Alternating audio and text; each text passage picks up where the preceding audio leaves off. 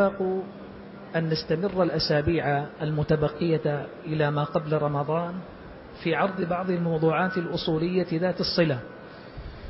بما يستمر معه درس الأصول مفيدا ومسجلا وبما لا نشرع فيه بكتاب أو متن جديد ربما فات على بعض الطلبة الذين انشغلوا بالاختبارات هذه الأيام. ولذلك فسنخصص إن شاء الله تعالى بدءا من هذا اللقاء. سنخصص كل ليلة من ليالي هذا الدرس لبعض الموضوعات الأصولية يعرض فيها المسألة الأصولية ووجه الخلاف فيها وبعض أمثلتها والمسائل المتعلقة بها. ومجلس الليلة بعون الله تعالى سنتناول فيه ما اصطلح الأصوليون على تسميته في باب دلالات الألفاظ بدلالة المفهوم.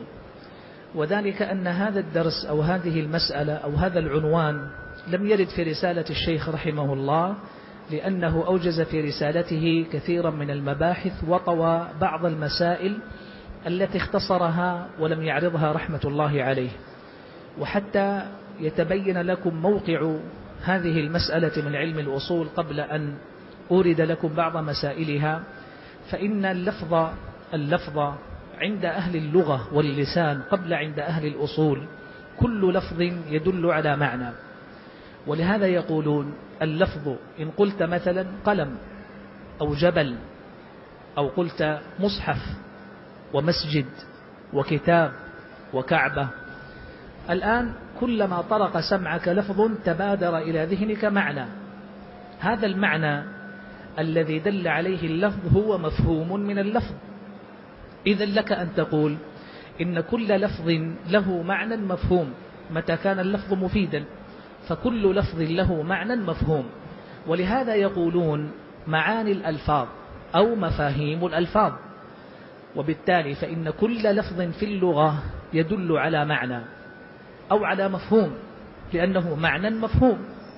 فالمفهوم عندهم أي عند الأصوليين في تقسيم الدلالات ومراتبها ينقسم إلى قسمين رئيسين ابتداء.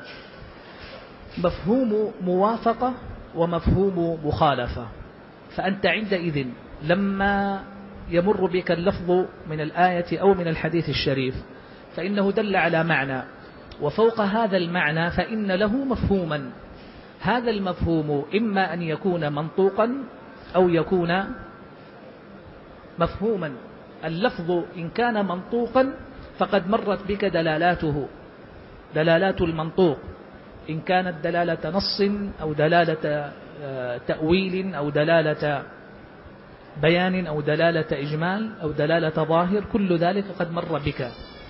الآن نتكلم عن القسم الآخر فيما كان من دلالات الألفاظ من باب المفهوم لا من باب المنطوق. ولاحظ من التسمية عندما يقولون دلالة مفهوم فإن معناه أن اللفظ لم ينطق به. ولو كان اللفظ قد نطق به لكانت دلالة منطوق. لكن لما لم ينطق به اللفظ لكنه فهم منه سمي دلالة مفهوم. هذا المفهوم ينقسم كما قلت قبل قليل إلى قسمين. مفهوم موافقة ومفهوم مخالفة. مفهوم الموافقة أن يكون المعنى الذي يفهم من اللفظ موافقا موافقا في حكمه لما نطق به اللفظ. مرة أخرى مفهوم الموافقة أن يكون المعنى الذي فهم من اللفظ موافقا.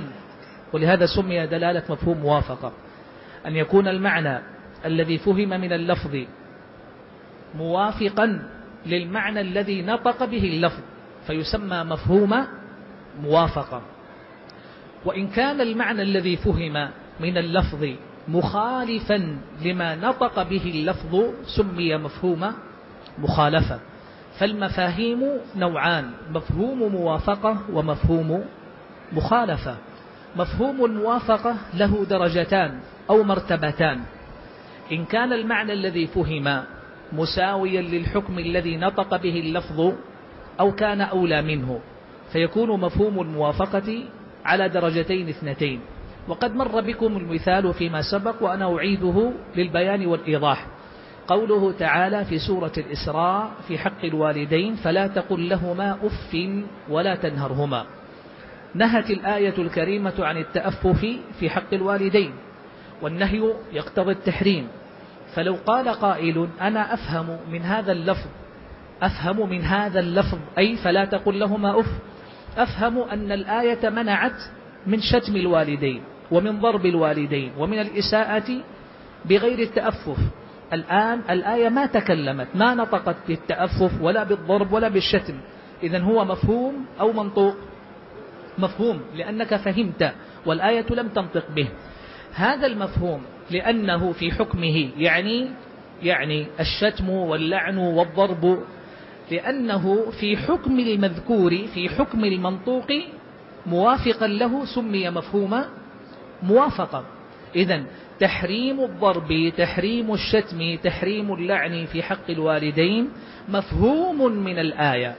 لماذا قلنا مفهوم؟ لأن الآية لم تنطق به وفهمناه.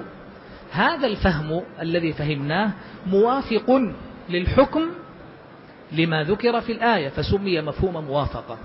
خذ مثالا آخر. إن الذين يأكلون أموال اليتامى ظلما. إنما يأكلون في بطونهم نارا وسيصلون سعيرا. منطوق الآية الوعيد الشديد في حكم من أكل أموال اليتامى.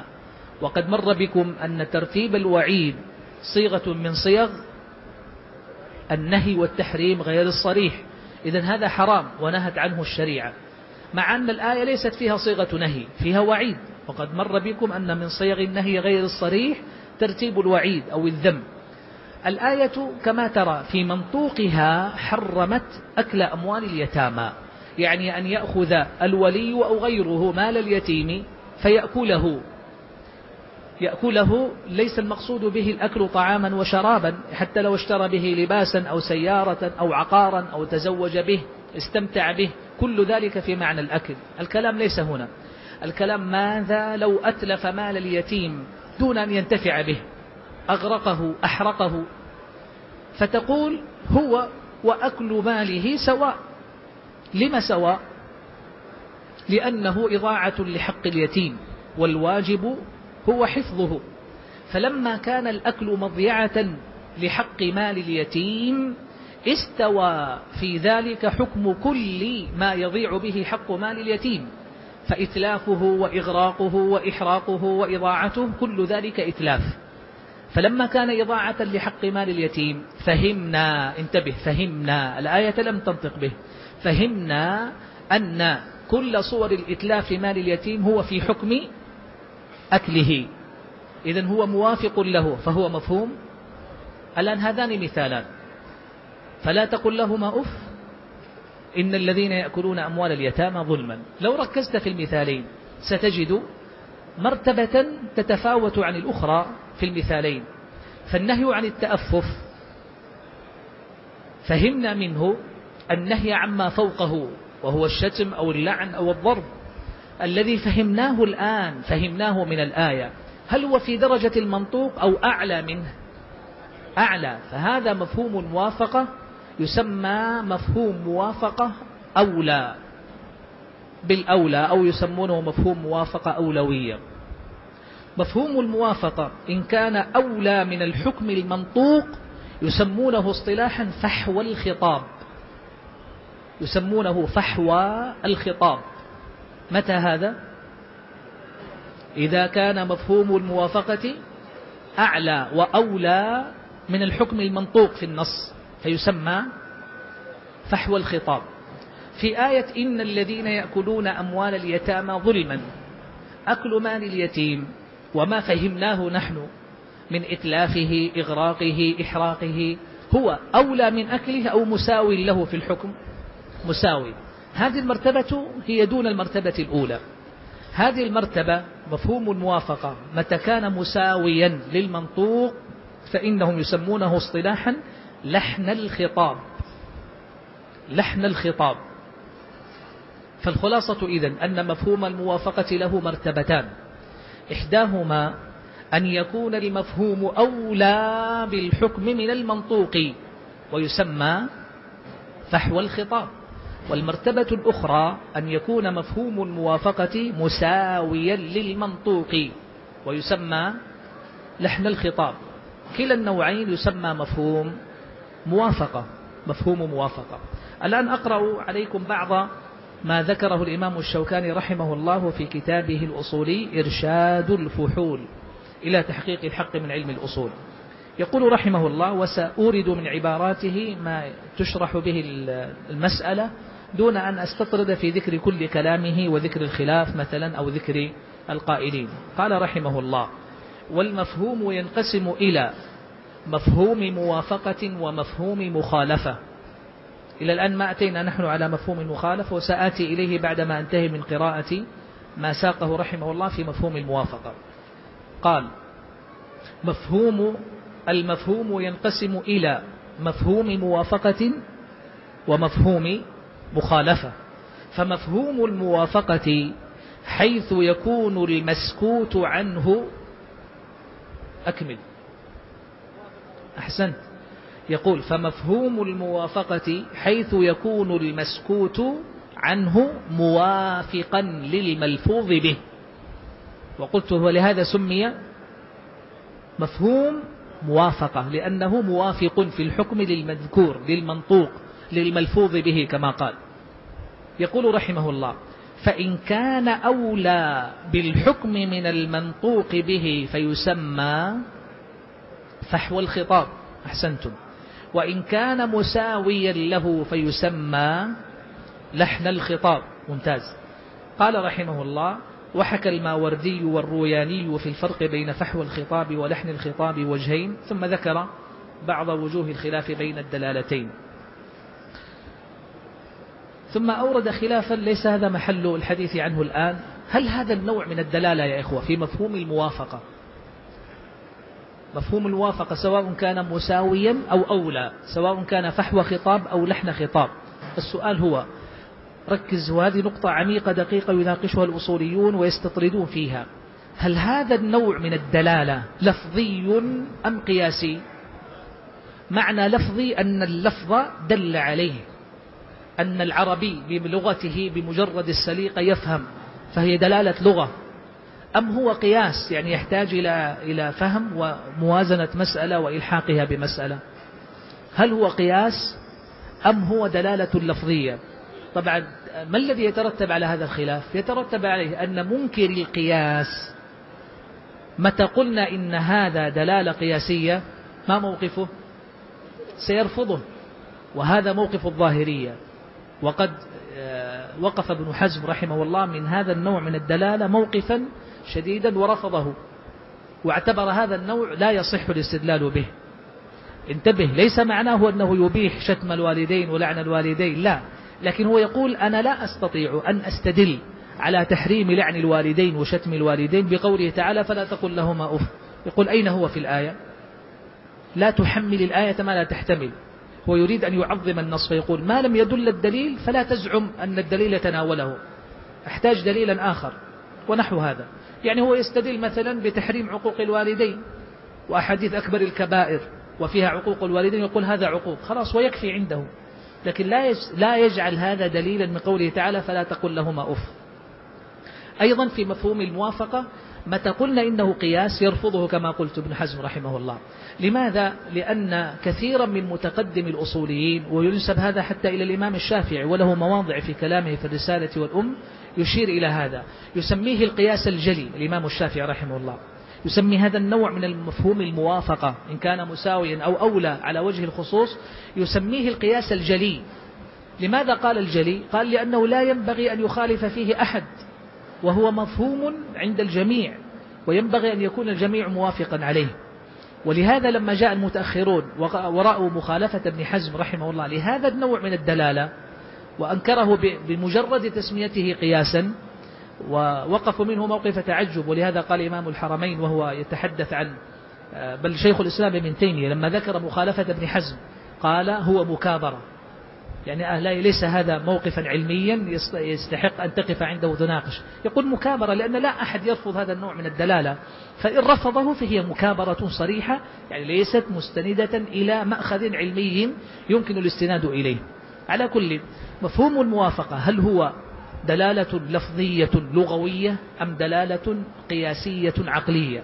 قولان شهيران للأصوليين ولكل مذهب أئمة معتبرون من أهل الأصول من ينصر هذا القول ومن لا ينصره يتجه إلى القول الآخر. فهذه مما يريدونها ويترتب عليه كما قلت لكم بعض المسائل اللطيفة في هذا الباب. طيب فإن قلت عندما نبعد خلاف الظاهرية في هذه المسألة هل هناك أثر آخر؟ الجواب نعم. يعني إن قلت إنها دلالة لفظية أو قياسية حتى عند غير الظاهرية تعال إلى الجمهور. عندما يختلفون فيقول هذا دلالة لفظية لغوية ويقول الآخر بل هي دلالة عقلية قياسية. هل من أثر بين الجمهور؟ في النهاية كلاهما يقول بأن له دلالة ويستنتج الحكم ذاته. هل من خلاف مترتب؟ الجواب نعم. أين ومتى؟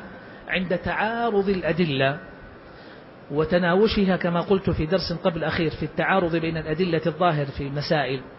عندما تصل المسألة إلى هذا النوع ويكون دليلك أنت في المسألة هذا النوع من مفهوم الموافقة. وأنا وإياك ممن يرى أنها دلالة قياسية سيكون استدلالا أدنى وأضعف مما لو كانت دلالة لفظية. وعندما يتعارض هذا الدليل مع دليل آخر صريح منطوق سيعتبر دليلا ضعيفا لأن هذا قياس وهذا هذا دلالة لفظية نص. هذا أثر من أثار الخلاف إن قلت هي دلالة قياسية أو قلت هي دلالة لفظية. أنتقل إلى القسم الآخر.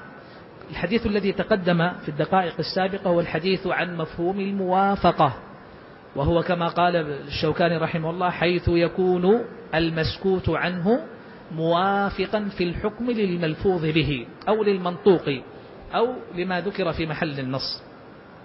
القسم الآخر مفهوم المخالفة. حيث يكون المسكوت عنه أكمل. مخالفا في الحكم للملفوظ به. يسمى مفهوم مخالفة. مفهوم الموافقة هناك إلى كم مرتبة انقسم؟ قسمان مساوي وأولى. الأولى ماذا يسمى؟ فحوى الخطاب والمساوي يسمى لحن الخطاب. مفهوم المخالفة يسمونه اصطلاحا دليل الخطاب. فتبين أن المفاهيم ثلاثة فحوى خطاب ولحن خطاب ودليل خطاب. فحوى الخطاب ولحن الخطاب كلاهما مفهوم موافقة ودليل الخطاب مفهوم مخالفة. هذه اصطلاحات فإذا مرت بك عرفت ما معناها وما المقصود بها في اصطلاح الأصوليين. مفهوم المخالفة والذي يهمنا الآن هنا هو عرض هذا المفهوم وما معناه والموقف الخلافي بين الأصوليين في هذا النوع من الاستدلال وإلى أي مدى وصل؟ فثلاثة نقاط رئيسة. تعريف مفهوم المخالفة وحقيقته ومعناه. ثانيا الأقوال الأصولية أو المذاهب فيه. ثالثا ذكر أنواعه وشروط العمل به. هذا أهم ما يتكلم فيه الأصوليون. ومفهوم المخالفة من المسائل ذات الدراسة الواسعة في كتب الأصول. ولهم فيها استفاضة ولهم فيها كلام ونقاش طويل ينبيك حقيقة عن عمق أهل الأصول في التعامل مع النصوص الشرعية ودلالات الألفاظ فيها. يحترزون تماما. ركز معي. خلاصة ما يتعامل معه الأصول مع اللفظة في النص في غاية في غاية الاحترام والتقديس. الآن لفظ الآية أو الحديث الشريف. ألفاظ لغوية بلسان عربي مبين. لما تأتي الآية أو يأتي الحديث مشتملا على جملة جملتين ثلاثة من عدد من المفردات موقف الفقيه والأصول دائما هو التعامل مع هذا النص على أنه على أنه كلام صادر من حكيم خبير. حكيم حكيم فكلامه كلامه شرع مقدس وخبير يريد بكل لفظة في النص معناها.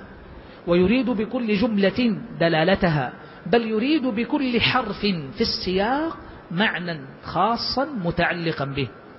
من هذا المنطلق تعامل الأصوليون مع أبواب دلالات الألفاظ على اختلافها تعاملا في غاية الدقة والحذر والاحتراز لأنهم يتعاملون مع كلام الكلام الحكيم سبحانه وتعالى ومع كلام الشرع ومع النصوص التي جاءت لبيان الطريق للعباد. فلا تعجب إذن أن يمعنوا النظر ويطيلوا مباحث الاستغراق في قضايا الدلالات والمواقف ومحاولة ترجيح أحد المذاهب لأن مسألة حساسة. في الحقيقة هذه الدراسات والمسائل الأصولية موقف عظيم تقديس عظيم للنص الشرعي وإعمال له واحترام له واستنباط الأحكام. ألا ترى أنهم يقولون دلالة موافقة ودلالة مخالفة؟ قبل هذا يقولون دلالة منطوق ما نطق به اللفظ. المنطوق عندهم أمر ونهي وعام وخاص والأمر عندهم أمر مطلق وأمر بقرينة وكل واحدة لها دلالتها والنهي كذلك. إذا انتهوا من المنطوق بمباحثه الواسعة الطويلة العريضة جاءوا للمفهوم. قالوا مفهوم موافق ومفهوم مخالف وهذا درجات وذاك أنواع ويستغرقون. ألا ترى أنهم ينظرون إلى اللفظ وأنه يمكن الاستفادة منه بكل اتجاه؟ من فوق ومن أسفل ومن اليمين ومن الشمال ومن قبل ومن بعد. بل اللفظة عندهم يراعى فيها سياق النص وما الذي يمكن أن تشير إليه. ما دلالته؟ لما يقول الحنفية مثلا والوالدات يرضعن أولادهن حولين كاملين لمن أراد أن يتم الرضاعة وعلى المولود له رزقهن وكسوتهن بالمعروف. هذه الجملة. وعلى المولود له رزقهن وكسوتهن بالمعروف أي يجب. على المولود له. من المولود له؟ الأب. رزقهن وكسوتهن أي أم الولد زوجته التي طلقها يجب عليه رزقها وكسوتها لأنها ترضع الولد. وعلى المولود له رزقهن وكسوتهن بالمعروف لا تكلف نفس إلا وسعها. قال الحنفية في استنباط اللطيف الآية دلت على أحقية الوالد بالنسب لأن الآية قالت وعلى المولود له. مع أن هذا ليس هو المقصود بالدلالة المقصود بالدلالة بالدرجة الأولى حكم النفقة الواجبة على الأب. هذا الاستنباط التي تجده كثيرا مبثوثا في تعاملهم مع النصوص الشريعة. هم يتعاملون كما قلت بتقديس بالغ وتعامل من يمعن النظر في طريقة الأصوليين ومناهجهم في دلالة الألفاظ يقف على ثروة عظيمة في احترام النص الشرعي وتقديسه وإجلاله. من هذا المنطلق جاء الحديث عن المفاهيم.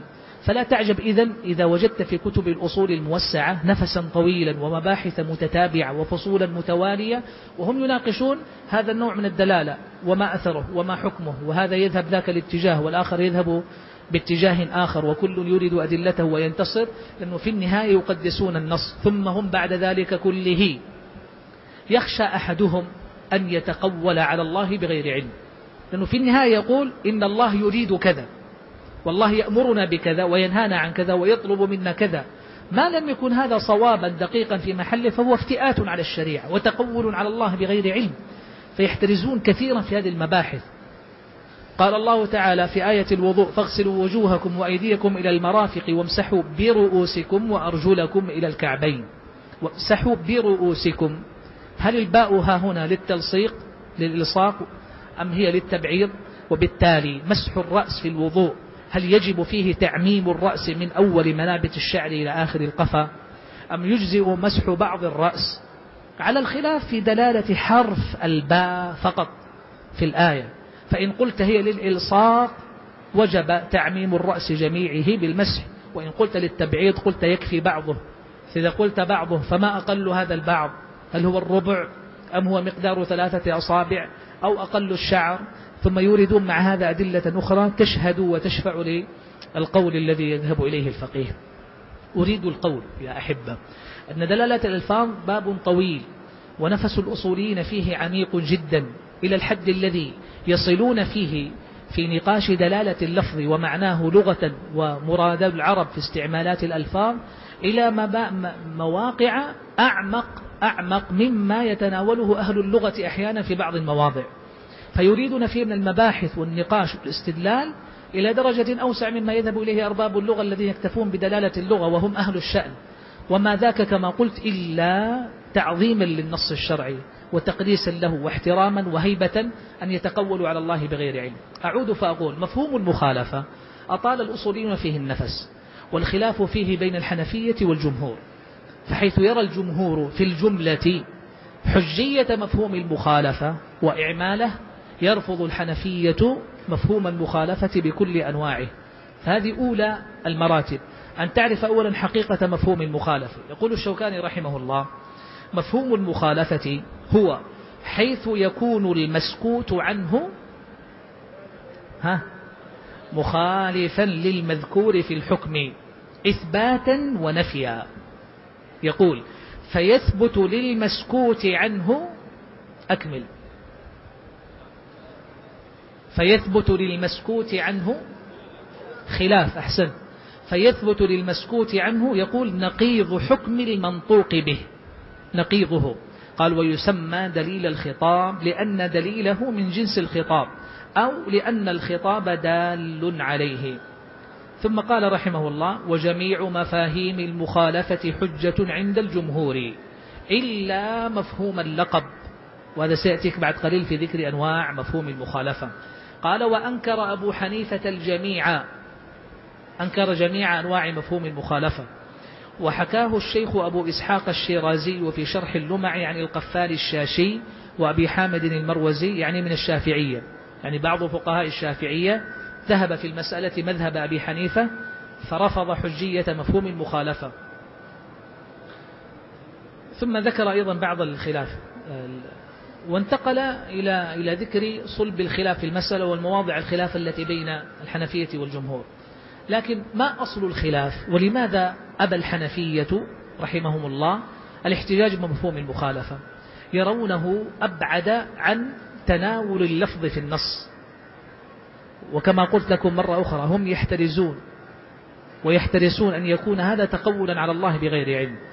يعني لما يكون مثلا في مفهوم المخالفة؟ أيا كان مثل مفهوم الشرط. وإن كن أولات حمل فأنفقوا عليهن حتى يضعن حملهن. طيب إذا لم تكن حاملا. وإن كن يعني المطلقات. وإن كن أولات حمل إذا طلق الرجل زوجته وهي حامل فأنفقوا عليهن حتى يضعن حملهن. طيب ماذا إن لم تكن حاملا؟ فلا نفقة المطلقة لا نفقة لها. هذه أحد مسائل الخلاف بين الفقهاء نفقة المطلقة في عدتها. هل تجب لها النفقة أو لا تجب؟ النفقة والسكنة مسألتان شهيرتان في الخلاف ولها ذيل طويل بين الفقهاء. أحد الأدلة فيها هذه الآية. فمن يقول إن المطلقة غير الحامل لا نفقة لها ما دليله؟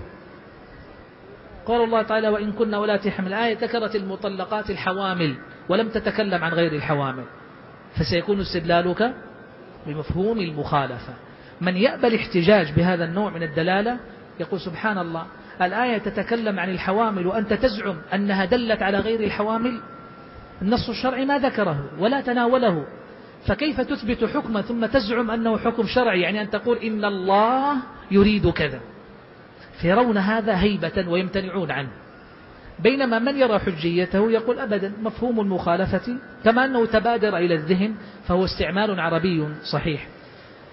هناك نقاش طويل واستدلال لكن الحقيقة من ألطف الأدلة التي استدل بها الجمهور على حجية مفهوم المخالفة على حجية مفهوم المخالفة حديث يعلى بن أمية في صحيح مسلم.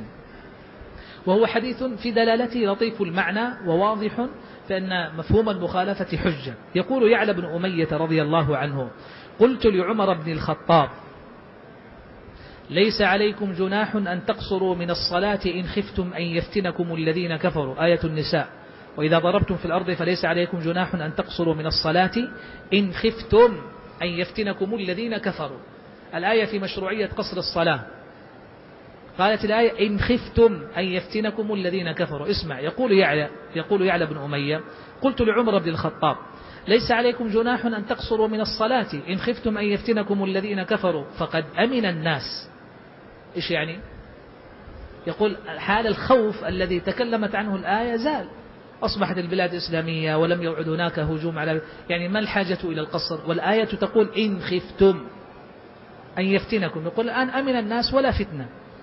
أليس هذا انطلاقا من مفهوم المخالفة؟ يعني يعيا بن أمية فهم مفهوم مخالفة. فاسمع إلى جواب عمر رضي الله عنه. يقول عجبت مما عجبت منه. فسألت رسول الله صلى الله عليه وسلم عن ذلك فقال صدقة تصدق الله بها عليكم فاقبلوا صدقته. هذا الاستدلال هذا النقاش بين عمر ويعلى وحكاية عمر بهذا الاستشكال عند رسول الله صلى الله عليه وسلم.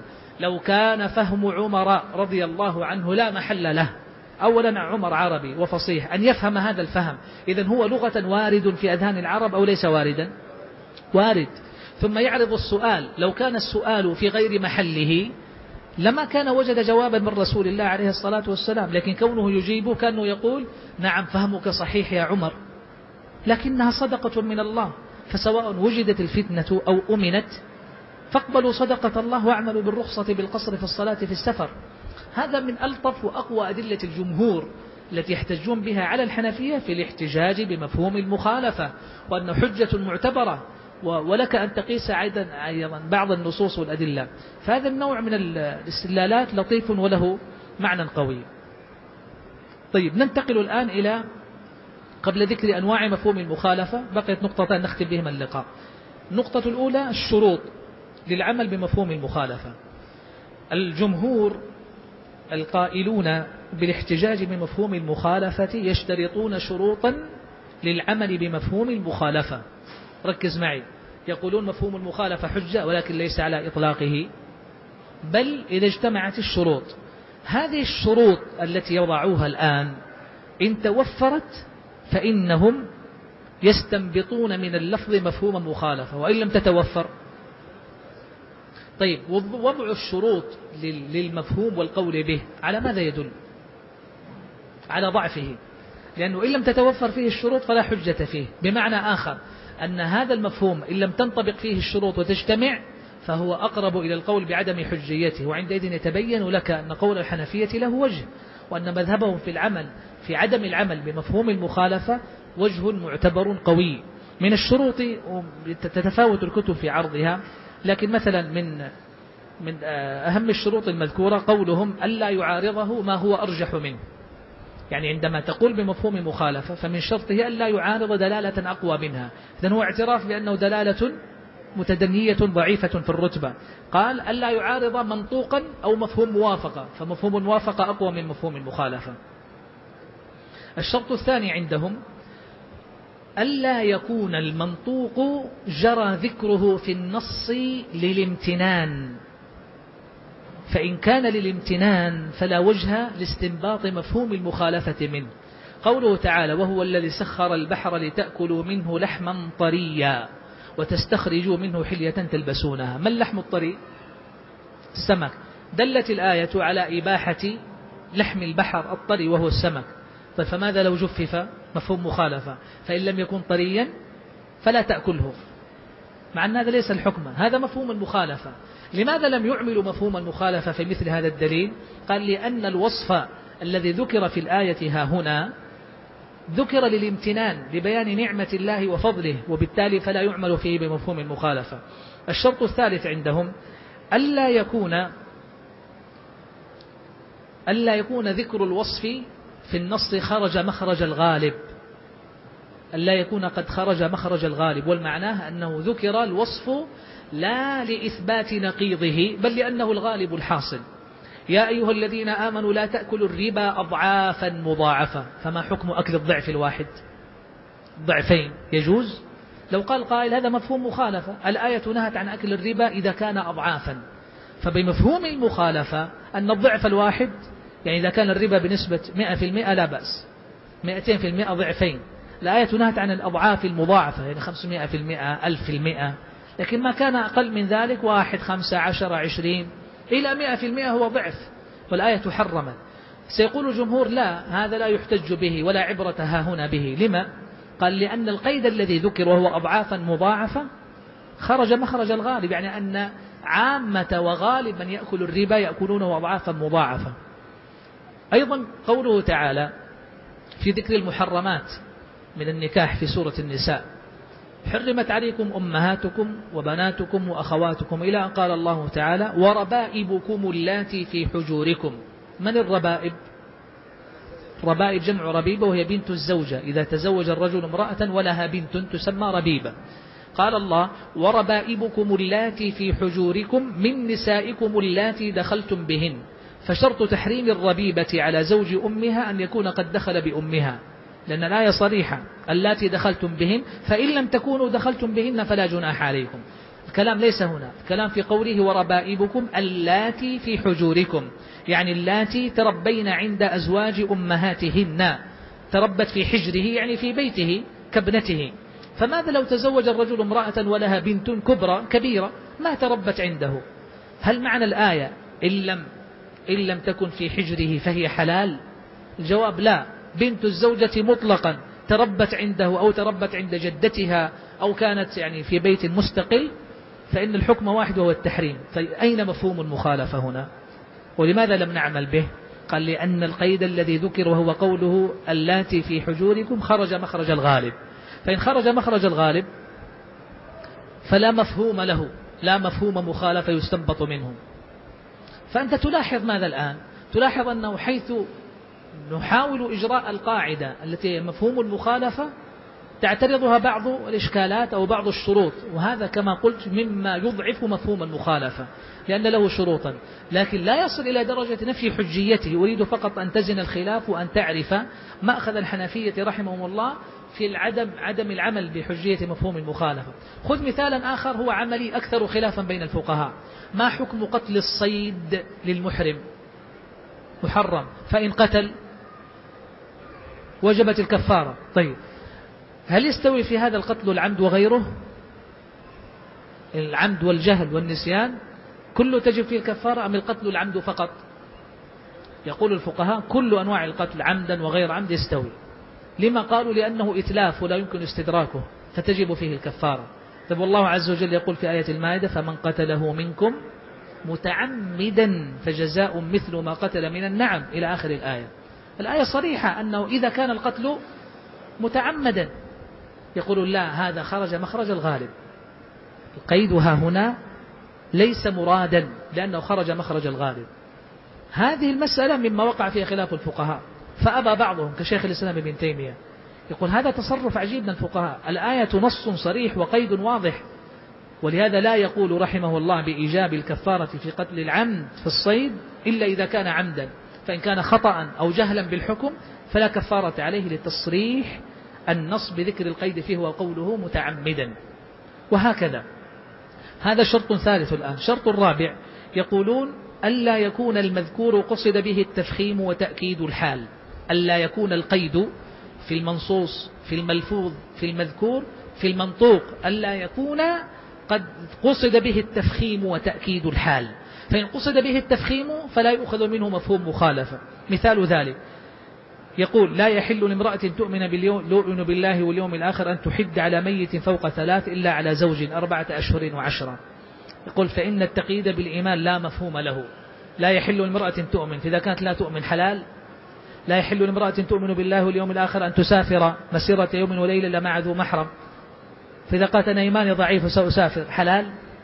ليس المقصود هنا يقول هذا خرج مخرج التفخيم وتأكيد الحال. هذا أيضا شرط يورد للعمل بمفهوم المخالفة. من الشروط أيضا ألا يكون القيد ذكر على وجه التبعية بل يكون مستقلا. فإن ذكر القيد أو الوصف تبعا فلا عبرة بمفهومه المخالف. مثال قوله تعالى ولا تباشروهن وأنتم عاكفون في المساجد تحريم الجماع للمعتكف. ولا تباشروهن وأنتم عاكفون في المساجد فماذا لو باشرها في البيت؟ لو ماذا لو باشرها خارج المسجد وهو معتكف؟ لا يباح. طب أين مفهوم المخالفة؟ قال إنما قصد ها هنا تبعا ولا تباشرهن وأنتم عاكفون. معنى الآية ينتهي هنا. لكن قال في المساجد على وجه التبع لأن غالب الاعتكاف لا يكون إلا في المسجد فلا يباح إذا خرج من معتكفه إلى البيت لحاجة أن يجامع زوجته فلو فعل بطل اعتكافه. فإذا قال قائل لا الآية حرمت الجماعة في المساجد فإن كان في غير المساجد فهو جائز لأن الله قال ولا تباشرهن وأنتم عاكفون في المساجد. يقال لا هذا القيد جاء على وجه التبعية لا على وجه الاستقلال. من شروطهم أيضا ألا يعود المفهوم مفهوم المخالفة على أصله بالإبطال. يعني ألا تستنبط مفهوم مخالفة فإذا به بعد التأمل يبطل يبطل المنطوق في النص. مثال ذلك قوله عليه الصلاة والسلام لحكيم بن حزام لا تبع ما ليس عندك. الحديث نص عند الفقهاء في أهم شروط صحة البيع وهو ملك البائع للمبيع أو أن يكون مأذونا له فيه. لا تبع ما ليس عندك معناه أن ما ليس عندك لا تبيعه فإن كان عندك ما معنى عندك؟ تملكه. طيب ماذا لو كان المبيع مملوكا للبائع غائبا عنه؟ غائبا عنه ليس حاضرا في بلد آخر ينتظر قدومه وباعه. لو قلت بصحة هذا النوع اعتمادا على مفهوم المخالفة لا تبع ما ليس عندك ماله الذي في البلد الآخر هناك هو عنده لكنه ليس حاضرا. فإذا قلت بصحته لزم منك أن تقول بصحة أن يبيع ما ليس عنده يعني ما لا يملكه في رحله وبالتالي عاد على أصل النص بالإبطال فمثل هذا المفهوم أيضا لا عبرة به. أخيرا هذه جملة من الشروط يريدونها كما قلت لكم وغيره كثير. بعضهم يتوسع فيريد أكثر من هذا وبعضهم يختصر. والخلاصة أن الجمهور وهم يقولون بالاحتجاج بمفهوم المخالفة يضعون له شروطا. إن توفرت صح لهم الاحتجاج بمفهوم المخالفة وإلا فلا. النقطة الأخيرة الآن في في هذه المسألة هو أنواع مفهوم المخالفة. ما معنى أنواع؟ يعني أنت كيف تستنبط مفهوم المخالفة؟ ماذا تفعل؟ تنظر إلى بعض الألفاظ في النص فماذا تعمل؟ ماذا تعمل؟ بالأمثلة التي مرت قبل قليل. كيف كيف يستخرج مفهوم المخالفة؟ تأتي إلى لفظة في النص فتستنبط حكما مخالفا لها. هذه اللفظة هي القيد المهم هو القيد الذي يرد في النص. وبناء عليه قسموا مفهوم المخالفة باختلاف هذه القيود. بمعنى إن كان القيد صفة قالوا مفهوم الصفة. إن كان القيد شرطا قالوا مفهوم الشرط. إن كان القيد عددا قالوا مفهوم العدد. إن كان القيد زمانا قالوا مفهوم الزمان مفهوم المكان مفهوم الغاية. مفهوم الحال مفهوم الحصر وهكذا. فإذا محل محل استنباط المفهوم المخالف من النص يحدد نوعه. إن كان شرطا يسمى مفهوم شرط إن كان صفة يسمى مفهوم صفة. وبناء عليه كما قلت يقسمون مفهوم المخالفة إلى أنواع. أشهر أنواعه مفهوم الصفة. عندما تستنبط الحكم المخالف من صفة ذكرت في النص فأنت تستخرج منها خلافها. يقول الله تعالى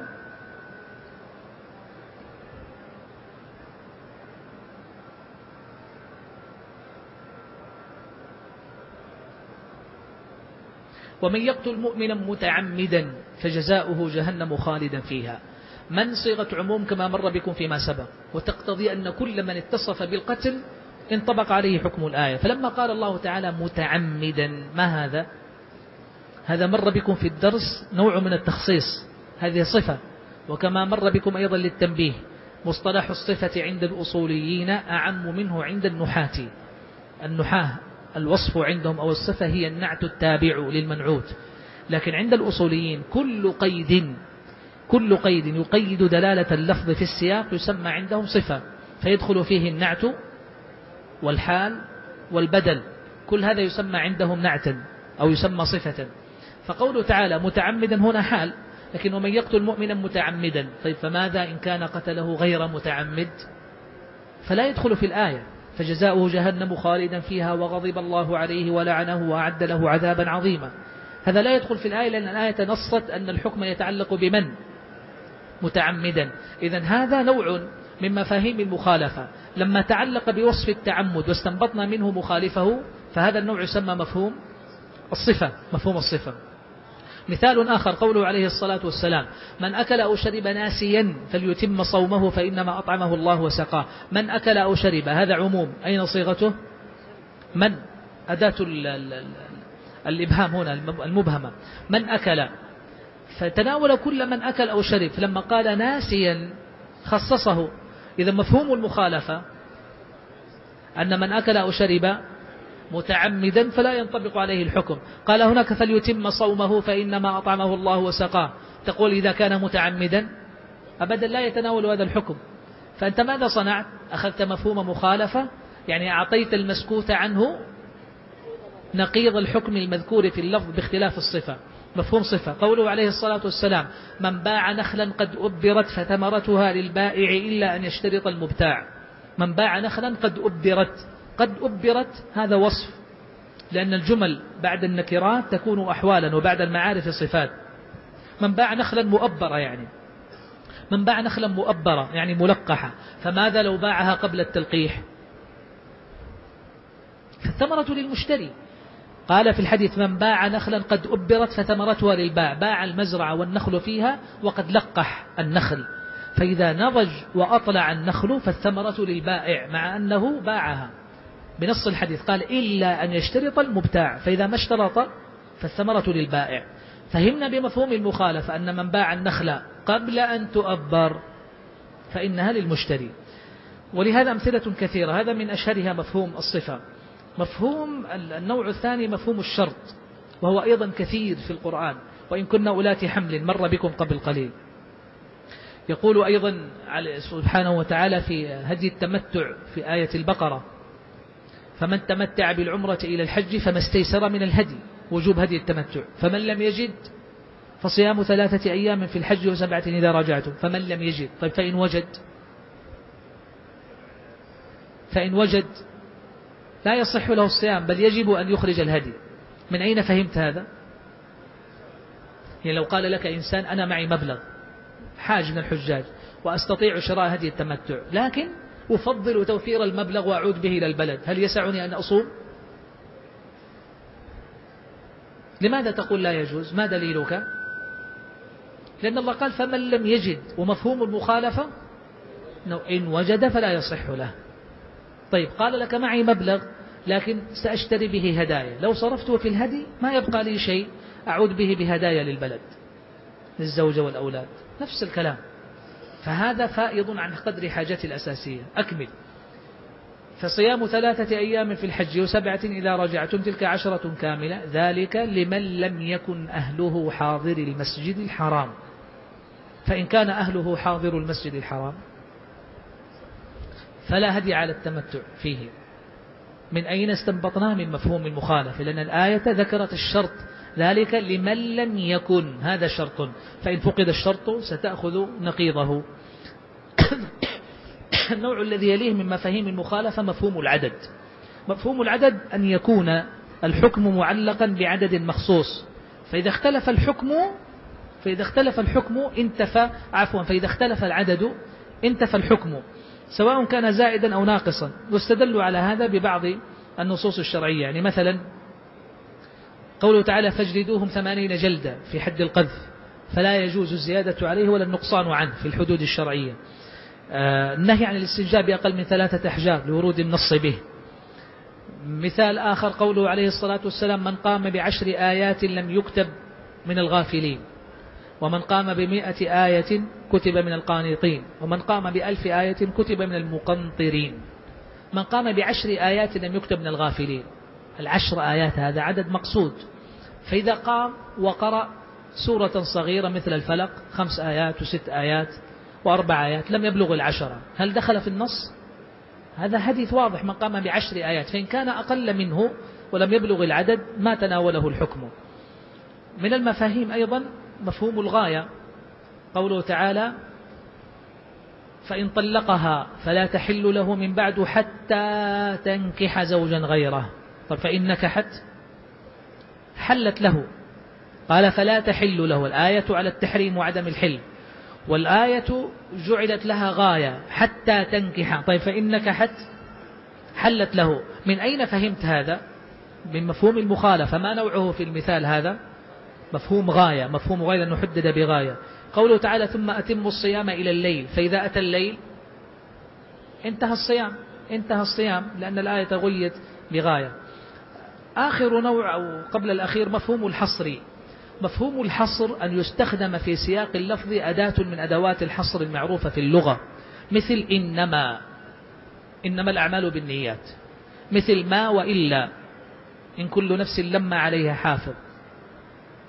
ما أرسلناك إلا كافة إن أنت إلا نذير. ما وإلا أو إن النافي التي تدل في دلالتها بمعنى ما. هذه يفهم منها مفهوم مخالفة. إنما الأعمال بالنيات. فإن لم تكن نية فلا عمل. يعني لا عمل مقبول عند الله سبحانه وتعالى يؤجر عليه صاحبه. هذا مفهوم مخالفة. وصيغ الحصر متعددة.